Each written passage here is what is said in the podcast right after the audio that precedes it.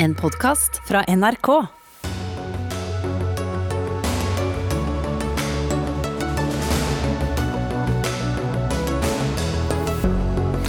Politisk ordkrig om strømprisene. Solberg-regjeringen drev en villet politikk for høyere strømpriser, hevder Senterpartiet. Det er direkte usant, svarer Frp og snur spotlyset tilbake mot Senterpartiet. Strid om ny boklov regjeringen vil innføre. Opposisjonen vil absolutt ikke ha noe av den. Brasils president kan bli tiltalt for massedrap, får sterk kritikk for håndteringen av koronapandemien. Og skal norske forfattere nekte å la seg oversette av israelske forlag i protest mot staten Israels politikk? Ikke tale om, ifølge Roy Jacobsen. Ja, dette er um, kveldens meny i Dagsnytt 18. Jeg heter Espen Aas, og i løpet av sendingen skal vi også innom morgendagens uh, forsvarsministermøte i Nato. Men uh, la oss uh, begynne med det folk vel snakker mest om om dagen, der de sjekker sikringsskapet støtter stadig, nemlig strømprisen, eller strømkrisen, alt ettersom. Nå ettermiddag kom nye tall som viser at vi har den laveste vannstanden i magasinene siden 2006. Parallelt så pågår det en liten politisk ordkrig om hvorfor det er sånn. Senterpartileder og nyslått finansminister Trygve Slagsvold Vedum sa til Klassekampen i dag at eh, mye av skylden er Solberg-regjeringens, som eh, drev en villet politikk for høyere strømpriser. Nå hadde ikke Vedum selv anledning til å være her, men, men du vant. Ole André Myhrvold, stortingsrepresentant og energipolitisk talsperson for, for Senterpartiet. Så det er helt sikkert ikke deres skyld, altså, da dere hadde regjering sist? Nei, eh, eh, tidligere olje- og energiminister Tord Lien fra Fremskrittspartiet var jo veldig klart ute i 2014 og sa at strømprisen skulle opp, og at de to kablene han ga konsesjon til, ville bidra, utenlandskablene ville bidra til en sånn uh, utvikling. Og I tillegg så har jo da regjeringa hvert år økt elavgifta. Til sammen har elavgifta økt med over 50 Eh, under eh, den regjeringa Fremskrittspartiet var en del av i sju år, både med olje- og energiminister og finansminister, mm. og støtta i åtte. Vet du hva den nyslåtte klima- og miljøministeren Espen Barth Eide kalte de utenlandskablene da han satt her i en debatt med dere i juli? Nei, det fikk jeg ikke med meg. Han kalte de for Ola Borten Moe-kablene? Ja, og Det var ikke Ola Borten Moe som ga konsesjon, det var det Fremskrittspartiets olje- og energiminister som gjorde. Og så er det riktig at eh, vi også eh, var med på å åpne for de to kablene. Eh, men vi sa også nei til noen kabler, og vi er veldig klare på at nå skal det ikke bygges flere kabler i denne stortingsperioden. Eh, og fordi at vi ser at dette driver prisen opp, og det rammer norsk industri og det rammer norske forbrukere. Og når vi nå går inn i en vinter hvor det er varsla strømkrise med skyhøye priser, så ser vi at dette er ikke veien å gå videre. Mm. Ok, Så skal vi høre om FrPs nestleder Ketil Solvik-Olsen, som er med oss på linje fra Stavanger, er enig i den samme historiefortellingen. Var det villet politikk å få opp strømprisen? Ikke fra den borgerlige regjeringen. Vi hadde i vår regjeringsplattform at vi ønsket å ha stabile priser, nettopp for at det skulle komme norsk næringsliv og husholdninger til gode. Men gikk elavgiften opp? Elavgiften gikk opp, ikke fordi at den uh, Høyre-Frp-regjeringen ønska det, men det var litt av det å ikke ha flertall i Stortinget, og KrF og Venstre forhandla det opp. Jeg uh, skulle jo selv ønske at vi fikk uh, fjerna det, og Frp har i Stortinget i dag foreslått å fjerne elavgiften. Så da inviterer jeg Senterpartiet til å stemme for det, hvis de faktisk jeg mener, mener det i med den retning de har. Men det interessante her, det er jo det ene med et væravhengig kraftsystem. så Det betyr at det er en viss uforutsigbarhet i det som skjer, avhengig av nedbør. Men det å late som at dette var ønska fra en borgerlig regjering, og fullstendig ignorere den politikken som Senterpartiet hadde når de styrte forrige gang, og Det er jo de lange linjene vi nå ser resultatet av. Det er historieløst. Mm. Fordi det, men, vi skal, det, det, vi skal huske, det er at i 2008 så la Senterpartiet, som da hadde olje- og energiministeren, fram en visjon om at Norge skulle være Europas batteri. Og Det er jo det som la grunnlaget for at det så ble inngått avtaler med England og Tyskland om å bygge kraftledninger. Det er riktig at de ble signert, eller konsesjon ble gitt i Norge etter Senterpartiet gikk av.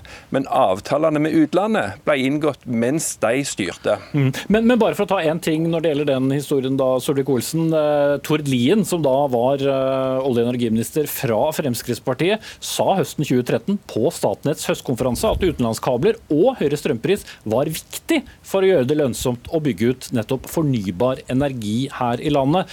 Det er vel lett å tolke det som en villet politikk? Men da må du huske hva settingen var akkurat når de ordene ble satt. og Da var det veldig lave strømpriser. De som skulle bygge ut ny kraftproduksjon, var redd for at de ikke fikk solgt strømmen sin i det norske markedet fordi at prisene var så lave. Altså forbruk var mer enn metta i Norge. Og I den sammenheng så var det viktig for Tord Lien å si at prisene skulle opp litt. Altså til mer et normalt nivå, et daværende normalt nivå, ikke opp til de nivåene vi ser nå. Og Det er òg viktig å huske for å minne Senterpartiet om det at 1.2.2012 så sa jo Ola Borten Moe, som da var energiminister, at prisene måtte være høye og stabile. Okay. Og at kraftledninger til utlandet ikke ville bety økte kraftpriser. Så her er det mye, mye historikk å huske. Nå er det altså sånn at eh, Fremskrittspartiet har hatt olje- og energiministeren de siste sju åra, og de har støtta den eh, Erna Solberg-regjeringa gjennom åtte år. Eh, og de har også hatt finansministeren. Og det er, eh, som programlederen sa, Tord Lien var klart ute og sa at det er et mål at strømprisene i Norge skal opp. I tillegg så ville altså Fremskrittspartiet bygge flere kabler. Ja, De ville endog åpne for at private kunne bygge flere utenlandskabler. Og de har knytta Norge til EUs eh, energimarked gjennom eh, medlemskap i ACER. At de nå snur, det er nå én sak, men de får jo stå for det de har gjort de siste åtte årene. Det får de jo gjøre. De, de, får stå for det de har gjort de siste åtte åra, og ikke gang på gang henvise til det som skjedde i den rød-grønne perioden. Det begynner å bli ganske lenge siden, programleder. Men grunnen til at det er relevant, er jo at det er Vedum sjøl som i Klassekampen sa at nå får vi konsekvensene av vedtak gjort for lenge siden. Og vedtakene gjort for lenge siden er jo nettopp strategien om å være Europas batteri. Den var Frp imot. Den var Senterpartiet for. Og da må en stå inne for de vedtakene som, en, som mm. dere sjøl støtter. Men det som er enda viktigere, det er jo hva kan vi gjøre på kort sikt? Det er jo å bygge ut mer vannkraft. Ta og Sørge for at vi fjerner elavgiften, reduserer eller fjerner moms på strøm. Vil Senterpartiet være med på det. Nå har dere makten, nå kan dere ja, gjøre det. Ikke det var min neste tilbake. poeng, for nå har, vi, nå har, vi, hørt uttrykket åtte år, og det er gjerne et signal om at vi bør se, se, fremover. Og Hva er de kortsiktige tiltakene dere vil komme med? Ja, og I motsetning til, til Høyre- og Frp-regjeringa, så har denne regjeringa vært veldig klar. Den vil ikke bygge flere utenlandskabler i denne perioden. Den har ambisjoner om at elavgifta skal ned, og man har i dag vært ute og sagt at bostøtten skal også eh, økes for de som eh, blir hardest ramma. Så vil man også se på andre grep, f.eks. utjamning av nettleie. Eh, men dette er ikke noe quick fix, men vi kommer til å stå på for en politikk som ivaretar norske eh, forbrukere rundt om i det ganske land. Så det kommer til å koste fremover uansett, da. Eh, en som sitter og hører på samtalen er deg, Kirsti Bergstø, stortingsrepresentant og leder av arbeids- og sosialkomiteen. Øking av bostøtten, er det nok? For å gjøre noe med de høye strømprisene nå, eh, så er det viktig å øke bostøtta eh, veldig raskt eh, for dem som kommer inn under den ordninga. Mm. Som betyr at ingen nordpå trenger å få økt bostøtte, men det gjelder da bare de sørpå? Eh, også folk nordpå eh, kan slite med høye strømregninger, selv om det er eh, lenger sør prisene er i galopp. Og Derfor så skulle jeg ønske at man heller enn å diskutere smeltevannet som rant vekk i forfjor, kunne bli enige om hvordan man skal ta mer politisk kontroll over krafta. Vi trenger gjennomgang av energiloven og sørge for en mye mer demokratisk styring av krafta som ressurs. Det beste for forbrukerne og også for kraftkrevende industri og næringsliv. Men, Men det vi må gjøre nå, det er å sørge for at de som sliter med høye strømregninger i oktober, november, desember, får den hjelpa de trenger. Og Derfor så vil vi umiddelbart at bostøtta skal øke. Vi har foreslått i Stortinget at det skal skje innen utgangen av oktober. Men vi har også et forslag om at vi må ha en langsiktig ordning for å sikre at folk med lave inntekter og høye eh, oppvarmingsutgifter eh, kan få hjelp til det. For det er ikke alle som er, eh, er, er omfavna av den bostøtta. Mm, ja, um det er sånn, ja, det er helt riktig. Vi har behov for mer kraft. Vi har behov for å øke produksjonen totalt sett. Både for folk og, og industri. Men det er på litt lengre sikt? da? Det er på litt lengre sikt. Kortsiktig så er det som sagt Regjeringa har vært ute i dag, varsla økning i bostøtten. Kan det skje allerede i slutten av måneden? Ja, det tror jeg vil skje ganske raskt, uten at jeg skal si noe dato på det. Men det kommer til å skje raskt. Og så kommer en tilleggsproposisjon. Der kan det komme ytterligere grep. Og så har man sagt at man skal ha en gjennomgang av eh, hele området, som inkluderer både hvilke avgifter som er, bostøtte, geografisk prisutjevning på nettleie, eh, styrka forbrukerrettigheter og økt eh, produksjon. Hvem, hvem skal betale for alt dette? Ja, det, vi må jo se dette samla sett, men det er faktisk sånn i dette landet at vi har eh, for, Vi er et langt, eh, kaldt eh, land med spredt geografi. og det, gjør, det, gjør, at vi må ta vare på folk. Folk må få lov å ha på lyset og ha varme i husene sine. Industrien har dette som sitt fremste konkurransefortrinn. Det gjør at eh, vi kan produsere klimavennlig aluminium, klimavennlig cellulose osv. i den kraft, eh, kraftkrevende industrien. Den konkurransefordelen kan vi ikke gi bort. og Derfor trenger vi en total gjennomgang av dette området. Solvik-Olsen, Du sitter jo ikke på Stortinget, da, men, men, partiet ditt har jo også lagt inn da, eh, en del lignende eh, forslag eh, i dag. Reverserer egentlig Frp litt av den politikken de var med på tidligere? Nei, Nå har vi jo heller tenkt at vi skal få gjennomføre det som er vår primærpolitikk, istedenfor at Venstre og KrF har klart å forhandle opp avgiftene. Og Vi vet jo òg at på Stortinget så har det vært et flertall for økte avgifter. Det klarte ikke Frp å stoppe. Men det er jo veldig flott at Senterpartiet nå for det første skrinlegger politikken de hadde sist om å være Europas batteri. Det er veldig bra. Eh, jeg tror det er støtte fra alle partier på Stortinget om økt bostøtte, så det er bare å gjennomføre.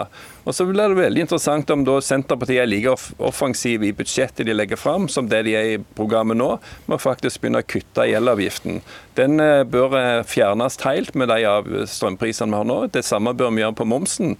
De inntektene staten får For alle, eller bare der det er dyre priser? Nei, høye altså, priser? Altså, det er jo ikke bare sånn at det er de fattige som nå sliter med, med, med strømprisene. Det gjør alle husholdningene. Og Sånn som SV sier at vi må få demokratisk styring på kraften. Ja, Det er verdt å minne om at stat og kommune, fylkeskommune eier stort sett alt som har med strøm å gjøre i Norge. De eier kraftverkene, de eier linjene, de eier Statnett, Statkraft.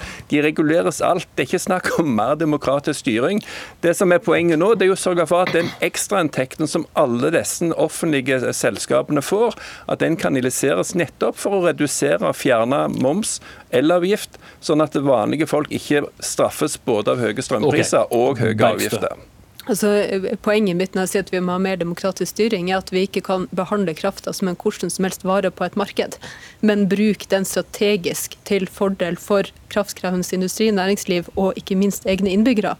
Eh, og Det er jo derfor det er nødvendig med en gjennomgang. Og det er også derfor det er nødvendig å si nei til utenlandskabler for krafteksport. Eh, fordi at vi vet at det får prisene til å fyke eh, i mm. været, og at det er folk som lider under det. Men det er veldig bra at Solveig Olsen sier at de vil støtte vårt forslag. Det tar jeg som et tegn på at Frp vil stemme mm. for SVs støtte om økt bostøtte i morgen. La oss da snu litt på det hele. For Truls Gullofsen, leder i Naturvernforbundet, du har sittet rolig og, og hørt på. Men dere har en litt annen tanke, for dere mener vel snarere at elavgiften bør økes?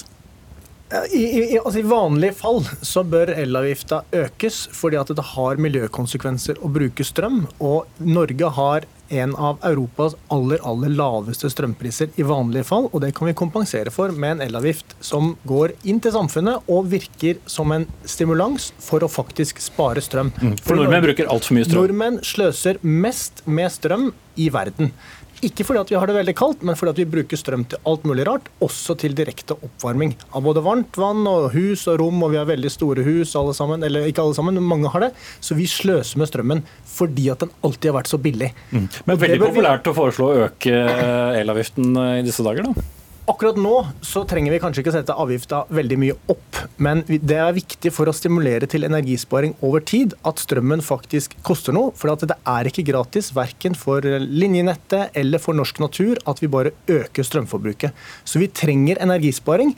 På kort sikt så må vi selvfølgelig ha bostøtte og gode ordninger for de som rammes ekstra hardt av den strømpriskrisa som er akkurat nå. Selvfølgelig så er det en utfordring, men vi må også, hvis, altså For å skaffe da ny kraft til veie, så er det aller billigste, enkleste, mest tilgjengelige og absolutt mest miljøvennlige kraftverket vi har i Norge, det er å utløse energisparepotensialet i de tusen hjem. Og det har politikere snakka om i årevis. Senterpartiet har gode forslag om det i Stortinget, mange er enige om at vi skal spare, men regjeringen har gjort null og niks for å utløse det potensialet. Og nå snakkes det om å bygge nye kraftverk og bygge ut elver og alle ting fra Solvik-Olsen og andre. Det aller mest miljøvennlige kraftverket det er å frigjøre den krafta som vi overforbruker i dag. Og Da trenger vi f.eks. virkemidler som høyere priser, men også gode støtteordninger. Mm. Ta en kjapp runde på det. Bergstø først, så Myhrvold og så Solvik-Olsen. Vi trenger absolutt eh, energieffektivisering og sparing, eh, og også gode ordninger for at folk skal kunne gjøre det i hjemmene sine. Fordi, Men ikke med å sette opp avgiftene? Altså, det er viktig å huske på at miljøpolitikken eh, også skal ha en god fordelingspolitikk. ikke sant? Eh, kampen for eh, miljø og, og mot forskjeller det henger veldig tett i hop. Eh, og det er avgjørende at ikke det er vanlige folk som tape eh, på, eh, på eh, avgiftspolitikken. Mm. Men det skjer jo med bensin og diesel? Det skjer hvis det gjøres på en usosial måte, men det er fullt mulig å omfordele på en, en bedre måte. Og det er også fullt mulig å ha gode støtteordninger, sånn at folk kan ta de grepene i sine hjem som gjør det mulig å spare på, på strøm og bruke mer eh, og, miljøvennlige løsninger. Myhrvold og Solkorsen. Ja, Det er helt riktig at vi trenger å, å, spare strøm og vi trenger å energieffektivisere mm. mer. Men folk gjør ikke det uoppfordret, så har ikke Gullofs et poeng? Det er vi helt enige om. Eh, men så har jo denne regjeringa også kutta i de omstillingsmidlene som Enova bl.a. hadde til private husholdninger. Man har et eh, ganske byråkratisk system for de som ønsker å gjøre noe eh, privat for å isolere huset sitt. For Nå er det ny regjering, kanskje? Nå er det ny regjering, og dette skal vi ta tak i, sånn at det blir enklere. Fordi at den energien vi ikke bruker, det er faktisk den billigste. Mm. Solvik-Olsen til slutt på, på argumentasjonen fra Naturvernforbundet. Det er mye rare historier her. Enova har altså fått mer enn dobla midlene de har til disposisjon. Men de har prioritert å bruke det i industrien, fordi der får du mest effekt av energisparing så har òg husholdningene eh, redusert sitt gjennomsnittlige strømforbruk. Vi må ikke svartmale her. Men samtidig så er det enda flere som nå lader bil hjemme i garasjen. og Dermed så betyr jo det at strømforbruket isolert sett går opp på det. og Da kan vi ikke kjefte på de som kjøper elbil for at de faktisk lader de hjemme. Så her må politikken henge sammen. Men hvis ja, hvordan kan den henge sammen da, hvis du skal få ned forbruket? Ja, men poenget Jeg er ikke enig i at vi skal straffe nordmenn for å redusere energiforbruket når de bruker det både nå til transport, til å holde varme og til å ha varm mat. Det unner jeg dem. og Derfor bør vi sørge for at vi ikke heller altså, Vi må heller la være å elektrifisere norsk sokkel. Vi må la være å leke Europas batteri. Norsk strøm må komme norske forbrukere og norsk næringsliv til gode. Da må vi skrinlegge symbolpolitikken som SV og Senterpartiet kjemper for, okay. nemlig å bruke den på sokkelen. Da setter jeg eh, punktum. Sikkert er det at det blir mer eh, strømprat eh, fremover. Vi har altså de laveste beholdningene av vann i vannmagasinene på 15 år. Da sier vi takk til Ole André Myhrvold, stortingsrepresentant fra Senterpartiet, Kirsti Bergstø, stortingsrepresentant fra SV, nestleder Fremskrittspartiet Ketil Solvik-Olsen og leder av Naturvernforbundet Truls Gullofsen.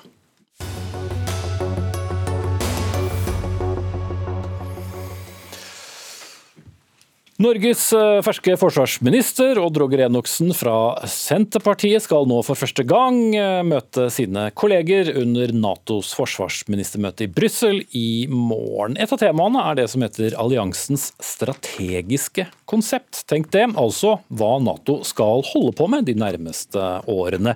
Dette skal revideres, og det handler bl.a. om forholdet til Russland, uttrekningen fra Afghanistan og også klima.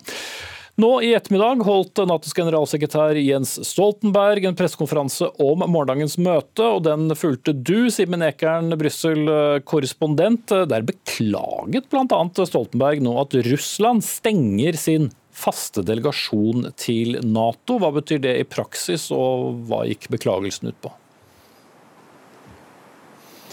Ja, dette beklager jo eh, Jens Stoltenberg naturligvis fordi eh, en grad av dialog med Russland har vært noe han har snakket om i hele sin tid som eh, generalsekretær. og den Muligheten til å drive dialog har jo blitt betydelig dårligere, nå som det ikke lenger skal være russere her på Nato og, og Natos representasjon i, i Moskva blir eh, bedt om å, å, å, reise hjem. Så dette forholdet som har vært ganske dårlig de siste årene, eh, er jo nå nådd et eh, bunnpunkt. Det har ikke vært så dårlig siden den kalde krigen, sa Stoltenberg også i dag. Og det er jo ikke noe godt utgangspunkt for å prate videre sammen.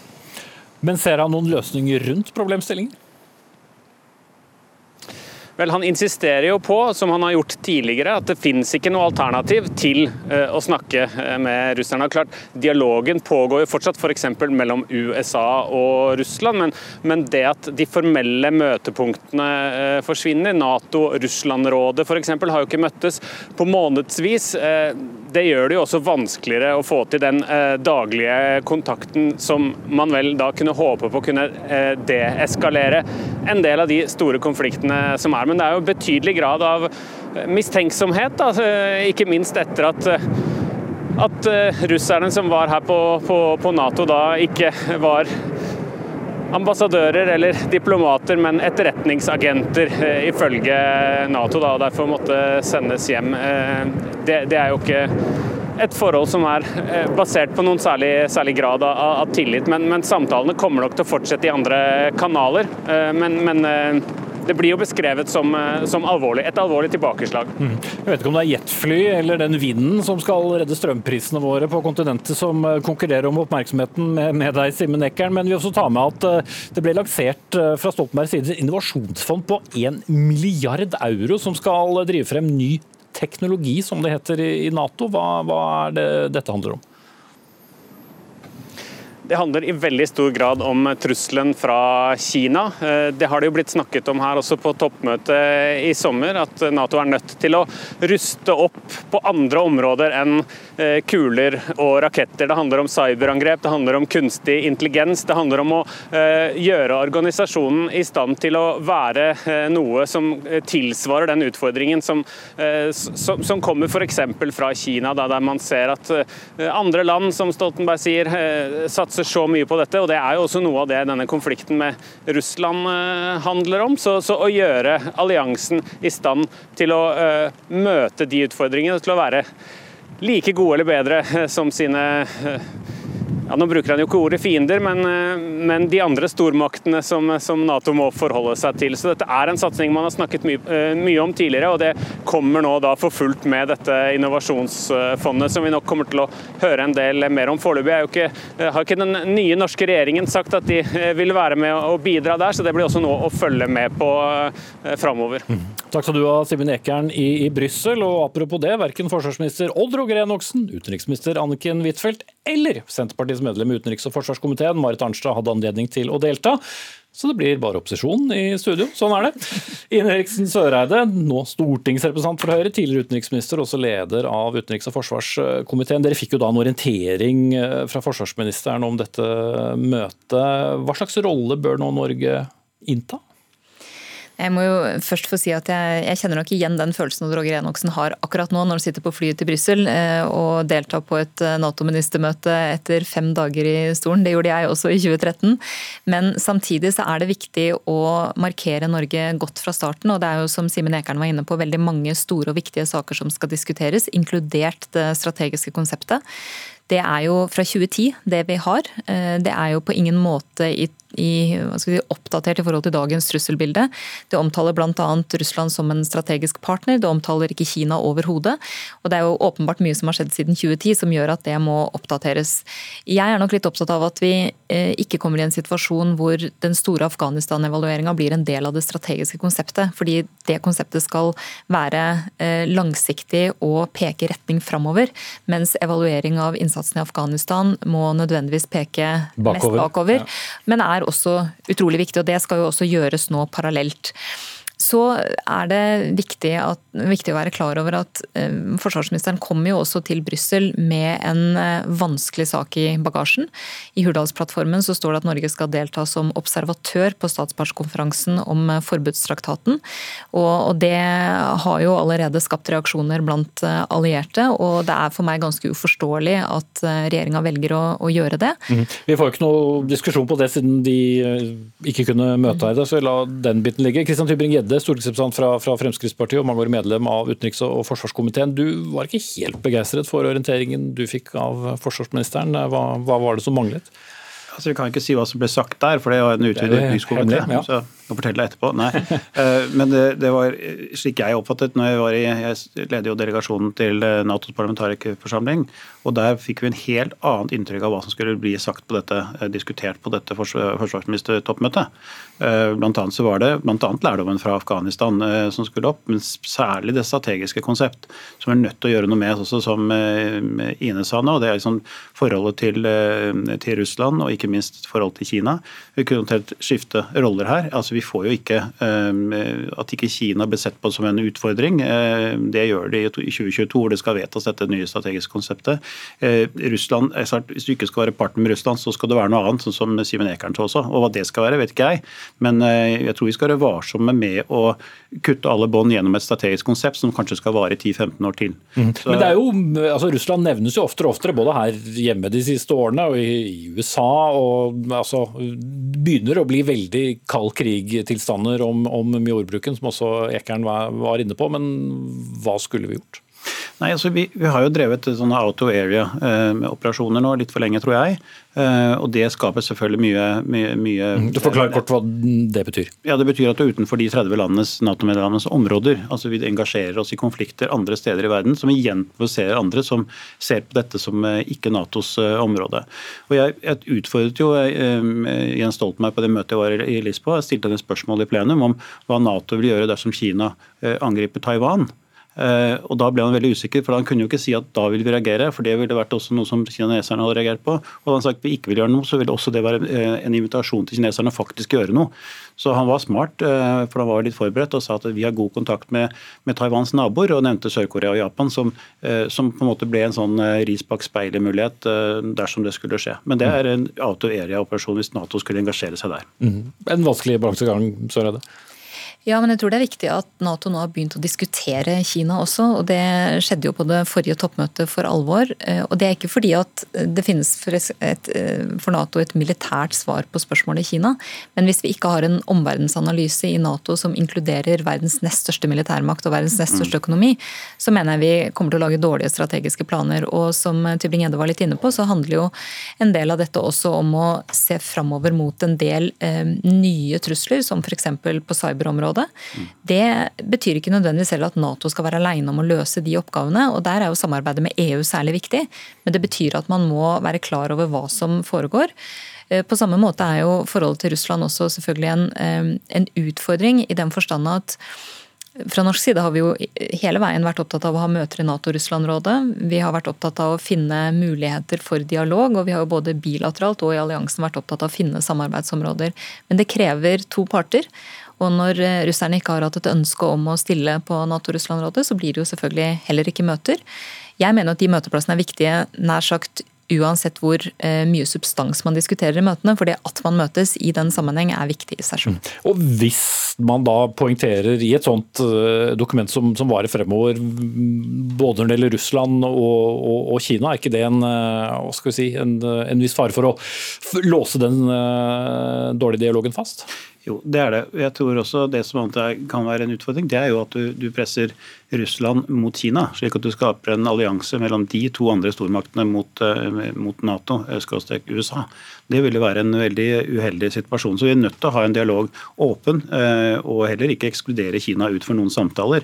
Og omtale Kina som en trussel i et strategisk konsept, det ville være veldig uklokt. Og så må vi huske at vi er, alle land har blitt veldig avhengig av Kina. Norge skal jo kanskje inngå en handelsavtale med Kina som gjør at, eh, at vi kan ikke sette Kina i fryseboksen og tro at vi skal kunne fungere uten Kina. Vi er helt avhengig av Kina Kina. Og da må man ha seg på forsvarssiden en et klok tilnærming til en så stor makt som Kina. Mm. Så er det. Jeg tror også det er veldig viktig å ikke sette Kina og Russland i samme bås når man diskuterer dette i Nato, for det representerer to veldig forskjellige strategiske utfordringer for Nato. Eh, og det vi har sett over de siste åra, er jo et Russland som både moderniserer sine militære styrker, veldig mange av dem i våre nærområder, særlig de strategiske kapasitetene. Og vi ser også en utvikling på militær side og på, når det gjelder våpen og, og, også kapasiteter, som gjør at det er en betydelig strategisk utfordring i Nord-Atlanteren at, at, Russland kan kutte av forsyningslinjene mellom USA og Europa. Ehm, derfor er jo dette noe vi fra norsk side har vært veldig opptatt av å gjøre våre allierte oppmerksom på, på samme måte som vi også gir et situasjonsbilde både politisk og militært over hva som skjer i våre nærområder, som er etterspurt og verdsatt av allierte, fordi vi har både et velfungerende naboskap til Russland, men vi har også en historikk på å vite hvordan utviklinga i Russland er, og kan gi en, en, god beskrivelse til allierte både av hva som skjer, og også hva som ikke skjer, som av og til er vel så viktig. Kort og slutt, ja, altså Det er også diskutert hvorvidt Nato skal ha en rolle på hva som skjer innad i landet. Eh, jeg skjønte adressaten at det var USA, at de var usikre på demokratisk utvikling i sitt eget land. Men vi ser det også i Øst-Europa. Altså, du mener at Nato ikke bare skal være utad, men også innad. og Det er noe helt nytt hvis det skal inn i et strategisk konsept. Mm. Ikke helt uh, samstemt uh, møte, kanskje. Takk til Kristian uh, Tybring-Gjedde, stortingsrepresentant fra Frp, og Ine Eriksen Søreide, begge fra forsvars- og utenrikskomiteen på Stortinget.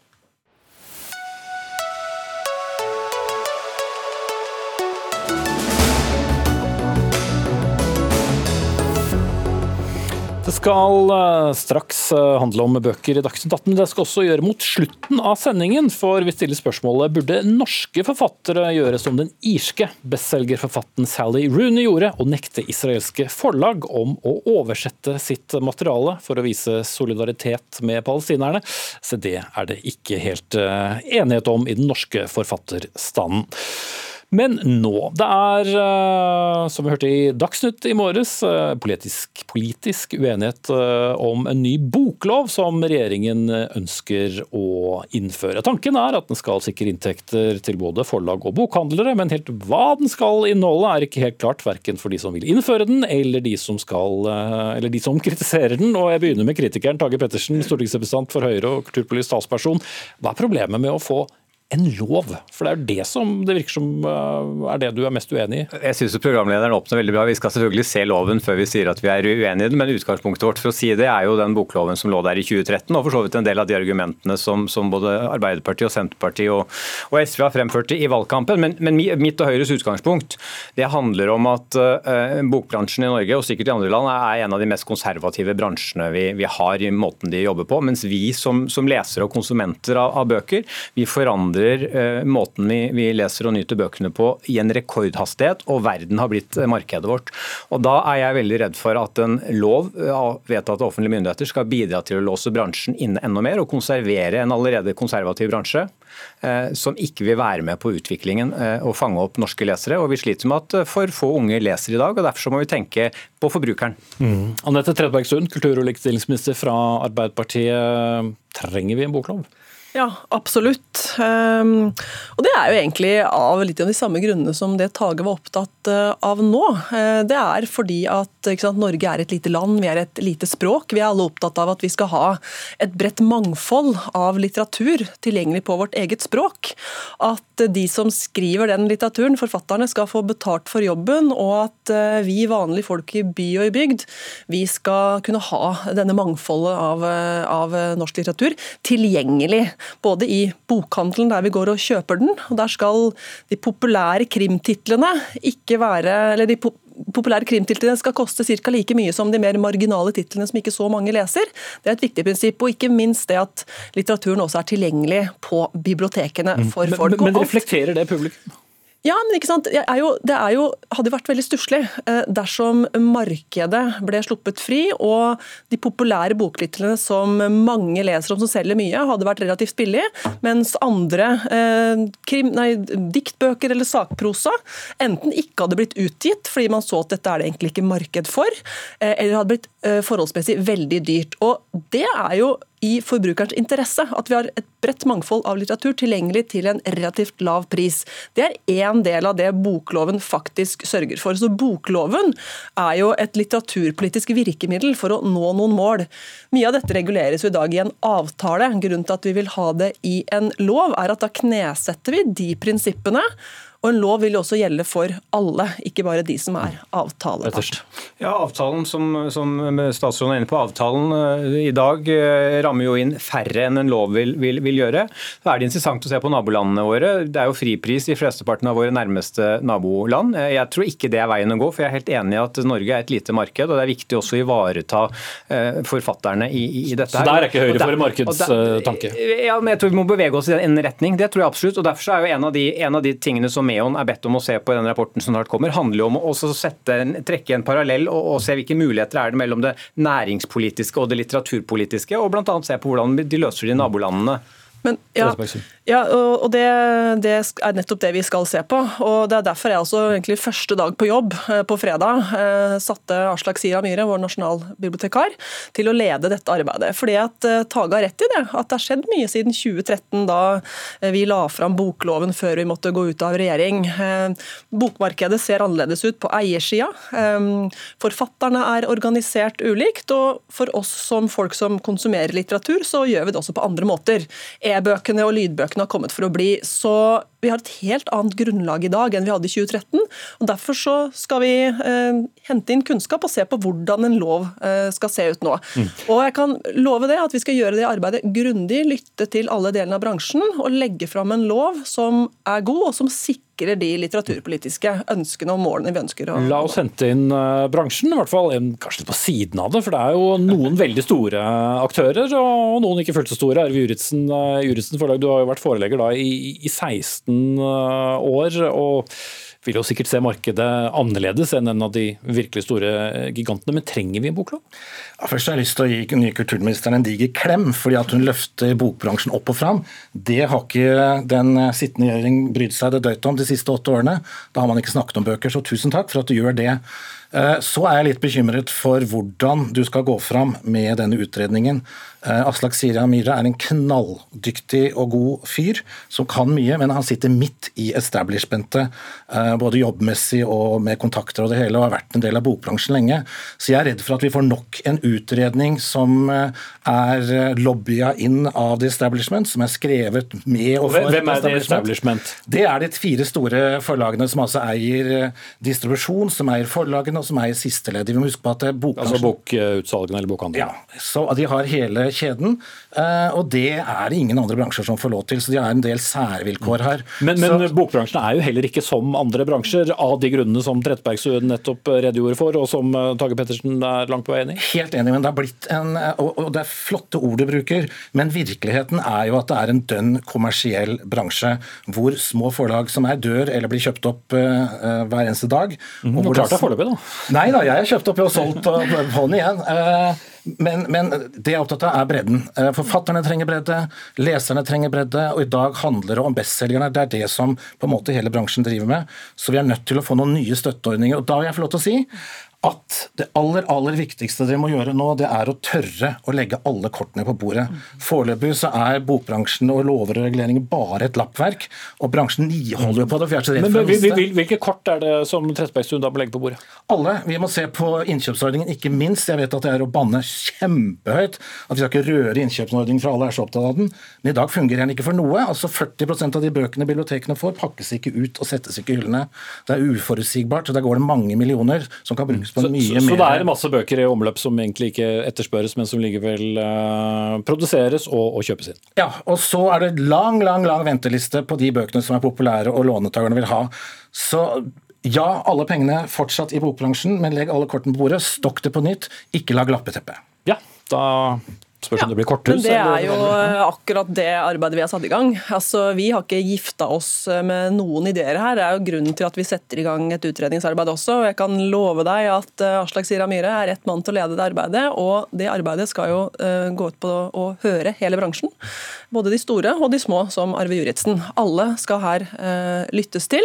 Vi skal gå inn i materien og se på hva som har forandra seg 20, siden 2013. Og vi skal selvfølgelig se det i en sammenheng med de andre litteraturpolitiske virkemidlene. For målet her er jo nettopp det å styrke hele verdikjeden fra forfatteren som skriver boka, til den når ut til leseren. At det skal, eh, skal være mulig å gi ut eh, bredde av, av, norsk litteratur. Det skal være tilgjengelig eh, for folk. Og det er, reguleres mer enn i dag, da? Jo, men altså, du kan si at Dette reguleres jo i dag i en bokavtale, deler av det. Eh, men det gjelder ikke for alle. og Det er en avtale som har eh, ja, unntak for Konkurransetilsynet, og som må reforhandles. Så Vi ønsker å knesette noen kjøreregler som, som nettopp er med på å, å nå de litteraturpolitiske målene. Blir det noen billigere bøker av det? Altså, Hele fastprissystemet skal vi også se på, men, men, det er jo sånn at det er ingen, ikke noe belegg for å si at bøker er dyrere i Norge enn i andre land. Vi har et mangfold, et bredt mangfold av litteratur i Norge, og det er utrolig eh, bra. Det har man ikke andre steder der markedet er sluppet fri. Mm. mange syns jo over 400 kroner for en ny bok er, er Ja, men Da er det jo slik ikke sant, at uh, bestselgerne blir relativt uh, billige, mens de som færre kjøper og, og det, Hvis du ser på nye bøker som utgis i Norge, så er det veldig få som selger mye. Ehm, da blir det relativt mye dyrere. Så I sum så tror jeg er det jo slik at eh, vi som forbrukere, vi som leser bøker, vi tjener på en fastprisordning. For Det gjør også at vi har et mangfold av titler å velge mellom. Pettersen og så Juris. Jeg, er veldig redd for jeg, jeg, hører, jeg, hører, kulturministeren nevner forbrukeren innimellom, men jeg er veldig redd for at vi mister Nei, det, det perspektivet det i dette arbeidet. For det er nettopp det som er det viktigste spørsmålet. Hvordan skal vi som forbrukere, vi som lesere, få tilgang til et enda mer mangfoldig utvalg av bøker, ikke minst unge lesere, som er de vi sliter med. Så vil jeg bare få minne om i forhold til at Arve Jusen kritiserte at det ikke er gjort noe i åtte år. Vi har aldri hatt så mange forfattere, forfatterforeninger, forlag som det vi har nå. Det er jo nettopp der vi har hatt den knoppskytingen. Og det er jo noe av den knoppskytingen jeg er opptatt av at vi må ta vare på. Så ikke det er de store, eh, gamle konsernene som, som, som, som stikker av med, med, med, med, hele lovteksten når loven legges frem her. og Det tror jeg er veldig viktig. Og Det var jo også til morgendag sagt fra, fra Nordli at eh, de har levd veldig godt med den avtalen som ligger der i dag. Og de kan for så vidt også leve godt, tror de, med lov, bare de må få se den. Men, men fleksibiliteten er nok størst med en avtale, var jo det som ble sagt. Mm. Jeg har et veldig viktig ord, og det er at eh, denne loven må eh, inneholde differensiering. Man må klare å se at det er forskjellige typer forlag, forskjellige typer behov. Eh, det er ikke en stor maskin som kan på en måte passe for alle. Og vi trenger støttetiltak som er mye mer fokusert og rettet og spesifisert enn det vi har i dag. F.eks. en knallgod løsning mener jeg, er vi har et nynorsk forlag, Samlaget, som altså får direkte støtte for å utgi bøker på nynorsk. Den modellen tenker jeg man kan se litt på også for andre spesialgrupper. da. Som hva da? Nei, det kan være forskjellige interesser. altså Det kan være diktsamlinger for eksempel, som lider tungt i dag. Forlag som utgir diktsamlinger. får tydeligere støtte til det. Innkjøpsordningen Jeg vet jeg banner i kjerka og alle kommer til å hate meg, men den må man altså lage på nytt. for Den ja, fungerer. Den, den har du allerede nevnt, og det er alltid et signal om vi gjorde videre. Ja, nei, vi, vi, vi, lytter til alle. Vi lytter også til Juritzens innspill, og vi skal se på alle delene av dette her. Eh, som sagt så har det gått mange år siden 2013. Eh, bokverdenen ser annerledes ut, og det skal vi ta hensyn til. Men målet her så må jeg få gjenta, det er jo nettopp det at vi som folk i Norge skal ha en bredde av litteratur på vårt eget språk. Eh, og kunne både kjøpe og også låne gratis på bibliotekene våre. Og Det er mm. det som er det viktige med å få på Det, det skjønner jeg, men, men siden dette er noe av det første du går uh, i gang med mm. Det er ikke sikkert du husker døra inn til kontoret, ja, det gjør du vel fortsatt, men, men dette er første saken, saken som du, du, du, setter i gang. Så har du kanskje noen tanker selv også om hvor det bør komme noen, noen klare endringer ut fra jo, den gamle systemet? det er jo som, det er jo som Tage Pettersen sier, at en, en, bokavtale er mye mer fleksibel. Det er et unntak fra konkurransereglene, det gjelder ikke alle, den kan sies opp når som helst. Vi ønsker å knesette disse prinsippene. Dette med boklov er jo bare én del av det vi ønsker å satse på å styrke av litteraturpolitiske virkemidler. Jeg kan også love Juritzen at innkjøpsordningene vil bli styrka med oss. Hurra, da er jeg fornøyd. skal, vi, skal, skal, vi kalle denne debattformen for boklovstil? Takk skal dere ha, Arve Juritzen, forelegger, Anette Trettebergstuen, kultur- og likestillingsminister for Arbeiderpartiet, og Tage Pettersen, stortingsrepresentant fra Høyre.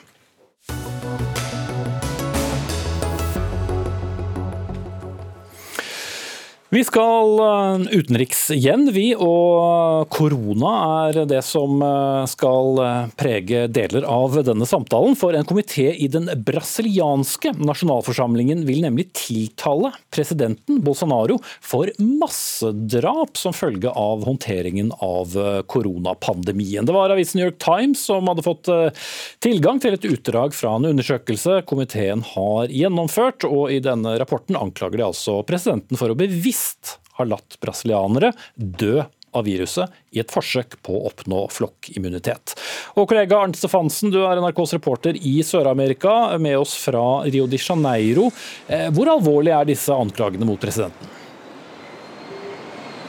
Det er jo veldig alvorlige anklager. Det er en omfattende rapport der med punkter som hver for seg gir grunnlag for lange fengselsstraffer, for riksrettssak, for en sak i, i den internasjonale straffedomstolen i, i Haag, for forbrytelse mot menneskeheten osv. Nå har man fått rapporten. Det du viser til er jo en presselekkasje.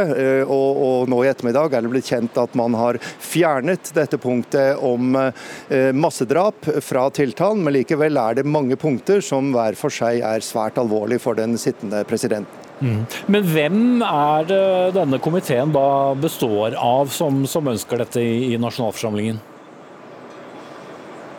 Det er en uh, en eh, granskingskomité eh, som har eh, jobbet med dette prosjektet nå de siste månedene, og langt på vei dominert nyhetsbildet her i Brasil med sine intervjuer med regjeringsmedlemmer og, diverse eksperter, der det har kommet voldsomme angrep på Bolsonaro for hans håndtering av pandemien.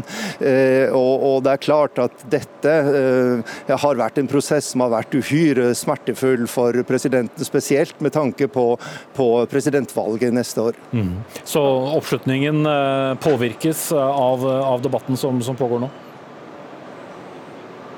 Ja, det gjør det. Og, men vi skal være klar over at dette er en, eh, en eh, komité som ikke, har, som ikke har myndighet til å verken tiltale eller straffe noen. Det er en gransking, altså etterforsking, de driver med. Eh, og de må da legge fram dette materialet for, eh, for, for Senatet, som da skal lage en rapport. Og så blir det da opp til riksadvokat eller eventuelt til presidenten i, i parlamentet når det gjelder spørsmål som, eh, som går direkte på straffesaker og som går på en eventuelt riksrett rettssak. Så det er fortsatt ikke klart hva som blir de juridiske konsekvensene, men de politiske konsekvensene er åpenbart store og svært negative for Bolsonaro og hans regjering. Mm. Takk skal du ha med oss fra Rio de Janeiro, Arnt Stefansen. Benedicte Bull, professor ved, ved Senter for utvikling og miljø og leder for Norsk nettverk for Latin-Amerika-forskning.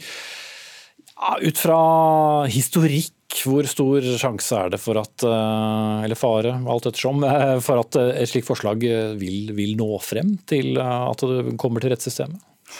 Nei, altså eh, Nok ikke veldig stor, men eh, det har jo vært over 100 eh, anklager mot Bolsonaro som man har, har tenkt skal føre til riksrettssak, som ikke har gjort det.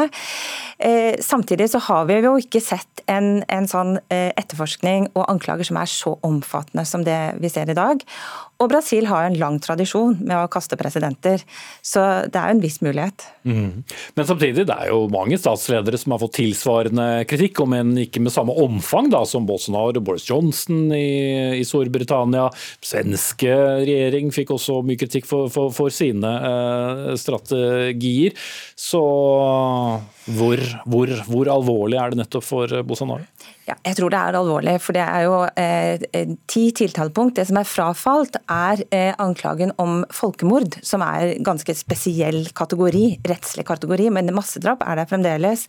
Og det er korrupsjon, det er unnlatelse, det er dokumentforfalsk, det er eh, uttaling av vaksinasjonsstrategier. Og det er veldig konkret. Og man viser til at man mener at Bolsonaro er, Bolsonaro er ansvarlig for 300 av de 600 000, altså 300 000 av de 600 000 dødsfallene. Så det er nok ganske mye grovere enn det som andre statsledere er eh, tiltalt for. Samtidig så har jo mannen en, en viss erfaring med å, å, ta kritikk, og mange vil si komme unna med det også. Men eh, er det, er det nå grense for hvor, hvor, mange politiske liv eh, han kan ha? Ja, og det, er, altså det viktige er, er, konteksten, og at eh, støtten hans synker. Eh, også uavhengig av denne prosessen. Og Det handler om, også om den økonomiske situasjonen. 14% arbeidsledighet som har vedvart. Det er nå dobla antall brasilianere som sulter, rett og slett. Altså, de snakker om 19 millioner som ikke har mat nok. Eh, og, eh, og, han begynner å miste noe oppslutning i sine kjernegrupper. Og samtidig så ser vi at i den store gruppen av fattige i veldig stor grad altså de, de avviser totalt Bolsonaro. og Det er jo noe som er liksom forskjellig. Man tenker på han litt sånn tropende strøm, men det er han på mange måter ikke. Mm. Men vi har jo sett tidligere at uh det har ikke vært noen vill begeistring egentlig for noen politikere under, under valg. Så styrker noen opposisjon seg i særlig grad? Ja, altså eh, helt klart at Tidligere president Lula han leder soleklart på meningsmålinger. Det skal være valg i oktober neste år. Han har en 20 eh, prosentpoengs ledelse på eh, Bolsonaro nå. Så er det også mange som absolutt ikke vil ha, ha han tilbake. Og så har du den store jokeren her, som er militæret. Altså Hvis Bolsonaro skulle bli felt, som jeg tror er relativt usannsynlig, så er det jo visepresidenten som overtar, og han er jo en militær. Og samtidig så har du så prøver eh, Bolsonaro å undergrave tilliten til valgsystemet. Eh, litt på samme måten som Trump gjorde, eh, i frykt for at han kan tape et valg. Og så er det jo en del som er bekymra for hva som da eventuelt kan skje. Militæret har vært ute og trua tidligere når de så at Lula kunne vinne et valg. Så det er mye, mye politisk usikkerhet. Men eh, hvor høy troverdighet har egentlig brasilianske politiske ledere, og, og for så vidt også rettssystemet blant eh, brasilianerne? Nei, Det er jo det store problemet her. Altså, eh, for å gå videre med dette her, så hvis da Senatet stemmer for det, så skal det videre til eh, Riksadvokat, og så eh, skal det videre til eh, Kongressen, og derfra til rettssystem. Altså Der kan avsetningsspørsmålet avgjøres, og så skal sakene opp i rettssystemet, og det har jo vært nå altså 15 år med politisk og juridisk farse. Nesten alle tidligere altså presidenter og politikere har vært fengsla inn og ut av fengselet, så det er en stor grad av misnøye. Samtidig så er det nok mange som ser den eneste muligheten å få bygd, begynt prosessen med å gjenopprette tilliten til eh, både politisk og juridisk system, er å bli kvitt Bolsonaro. Så det kan jo være et skritt på veien. Mm. Så får vi se hvem som eventuelt kommer eh, i stedet. Takk skal du ha, Benedicte Bøhl.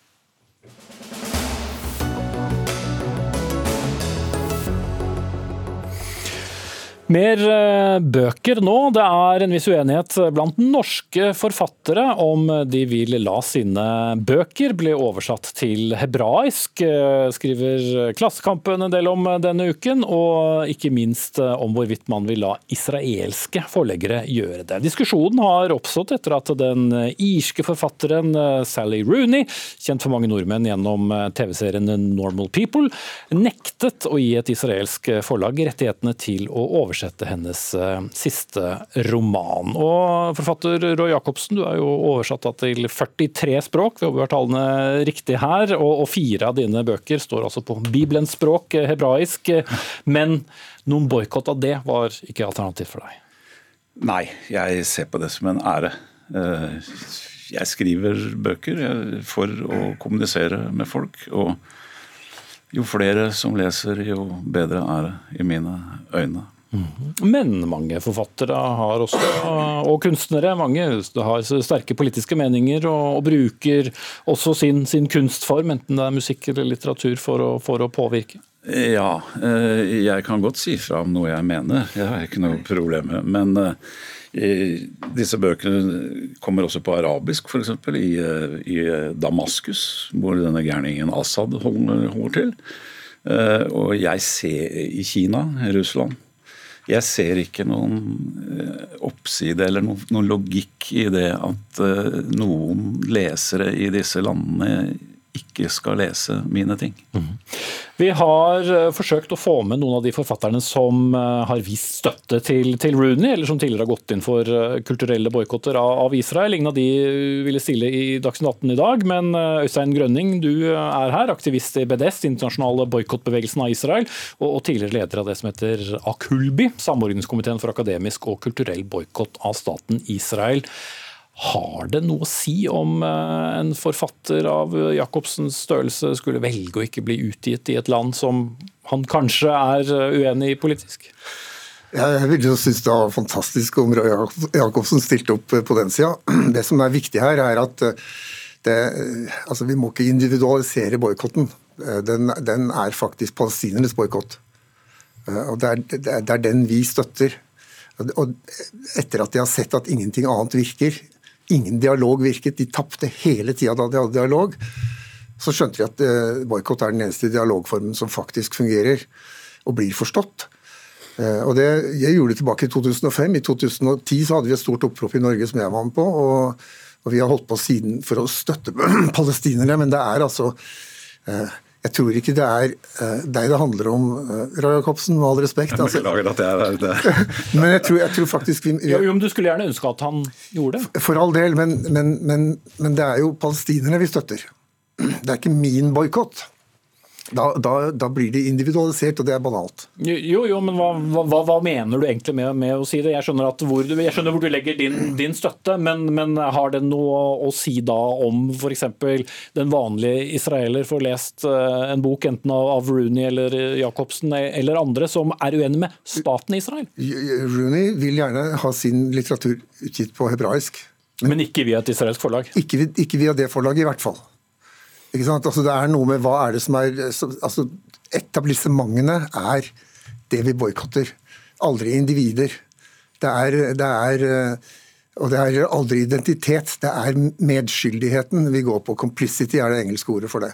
Og de, de, Disse forlagene de, er, de, har ikke noe bra eh, no, rulleblad i det hele tatt, de altså. Det har de ikke. Ja, jeg kan ikke sjekke det her og nå på, på direkten, eh, det du sier. Men, men, men, men Røe Jacobsen, eh, når du hører om da uh, Sally Rooney, som jo virkelig har fått en oppsving etter uh, TV-varianten av, av, av, av, boken, har tatt sånt uh, Når du hører at en forfatter tar et slikt standpunkt, hva, hva, hva tenker du om det? Nei, henne om det.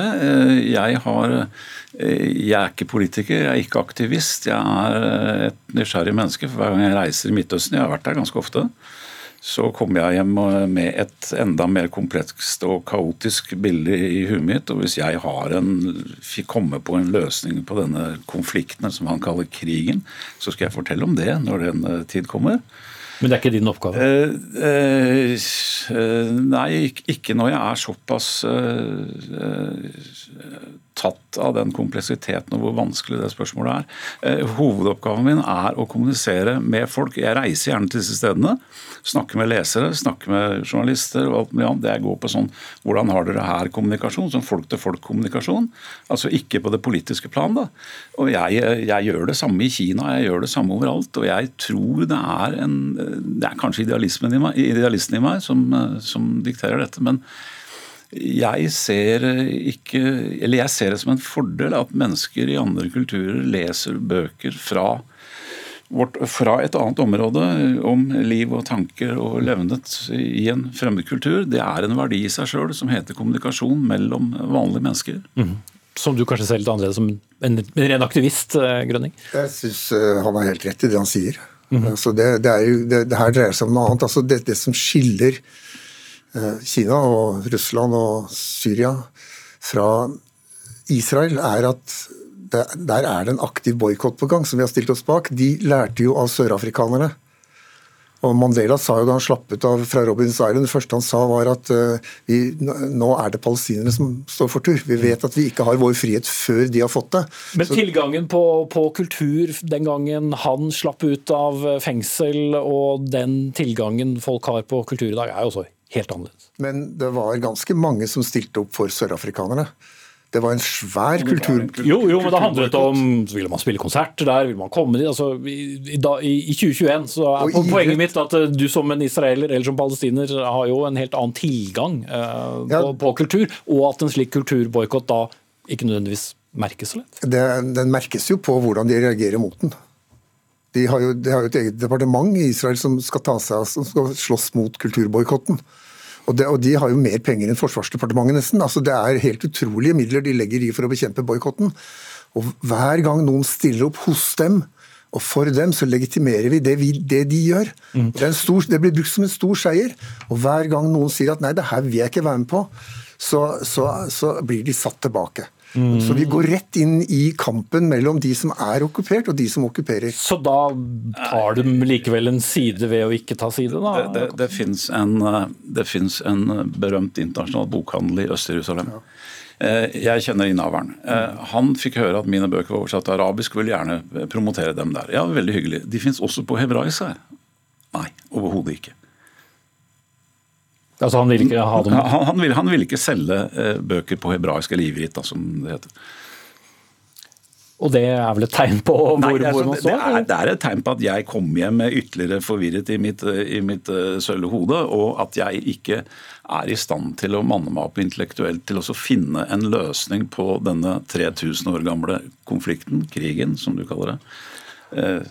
Tenker du at det også kan være skadelig for deg som kunstner å ta For det er jo noen som velger å ta et veldig klart standpunkt? Uh, nei, altså i det polit politisk korrekte samtida så er det vel tvert, i, tvert imot, vil jeg tro. Men uh, jeg er ikke noe plaga av dette. Jeg har, jeg har, en ambisjon om å kommunisere med så mange som mulig og snakke med så mange som mulig på begge sider av denne konflikten. Jeg har som sagt vært i området der, både i øst og vest.